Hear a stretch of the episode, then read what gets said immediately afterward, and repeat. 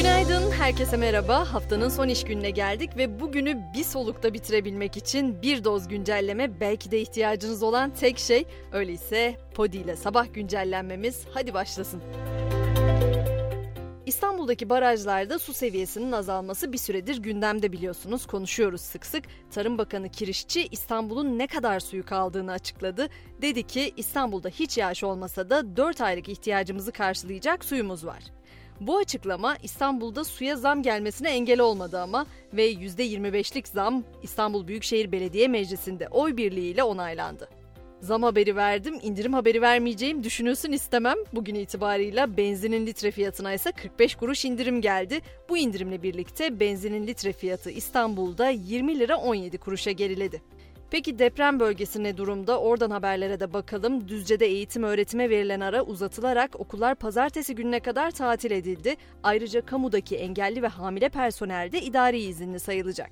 Deprem sonrası elektriksiz kalan Düzce'nin ise tamamına enerji ulaştırıldı. Yapılan çalışmalar sonucunda kent merkezi ve ilçelerin tamamına elektrik verildiği açıklandı. Sağlık başlığına geçtiğimizde oradan da umut verici haberler var. SMA'lı bebeklere umut olacak bu açıklama Sağlık Bakanı Koca'dan geldi. SMA Bilim Kurulu'nun oral kullanımı olan etkisini göstermiş ikinci bir ilacın kullanımını önerdiği, bu ilacın kullanıma alınması için de işlemlerin başlatıldığı belirtildi.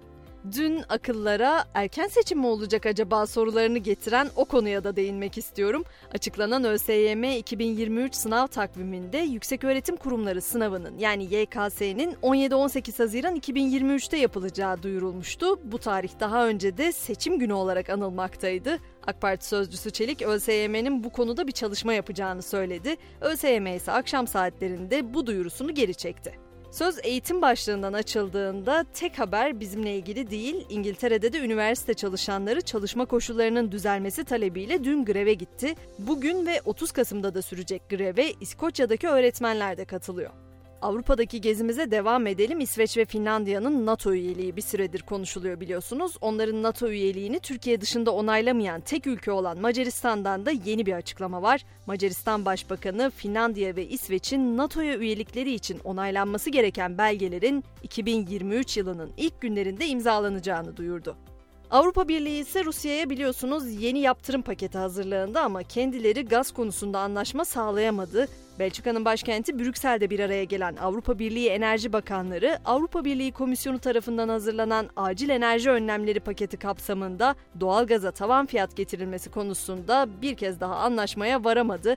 Bakanlar görüşmelerine 13 ve 19 Aralık tarihlerinde devam edecek. Biraz da magazin gündemini tutalım derim ve sormak isterim sizce dünyanın en şık kadını kim olabilir? Lüks markaların kampanyalarında sık sık yer alan, moda haftalarının en çok defileye çıkan modellerinin başında gelen ve toplumsal konulardaki söylemleriyle de gündem olan ünlü model Bella Hadid'den bahsediyorum. Hadid dünyanın en stil sahibi kadını seçildi.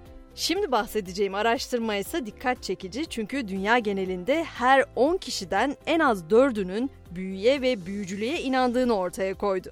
95 ülke ve 5 kıtadan 140 bin kişinin katıldığı bu anketlerde bu konu sorgulandı ve büyücülüğe yönelik inançların ülkeden ülkeye önemli farklılıklar gösterdiği görüldü.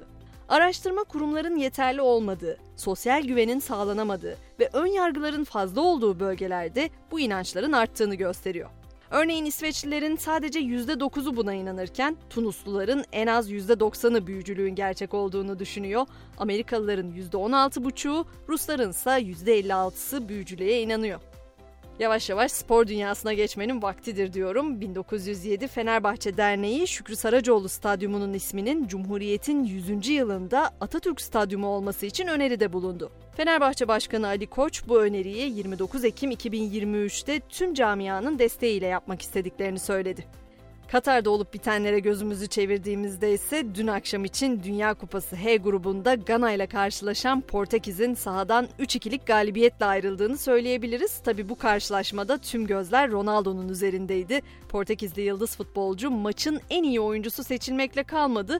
5 farklı Dünya Kupası'nda gol atan ilk oyuncu olarak da tarihe geçti. Kupada bugün S, A ve B grubunun ikinci maçları oynanacak artık. Dünya Kupası'na ev sahipliği yapan Katar ikinci maçında Senegal'le karşı karşıya gelecek. Maçın başlama saatinin 16 olduğunu hatırlatıyorum ve böylece sabah güncellememizi de noktalamak istiyorum. Akşam hem günü hem de haftayı kapatırken beni yalnız bırakmayın olur mu? 18 itibarıyla görüşmek üzere. Şimdilik hoşçakalın.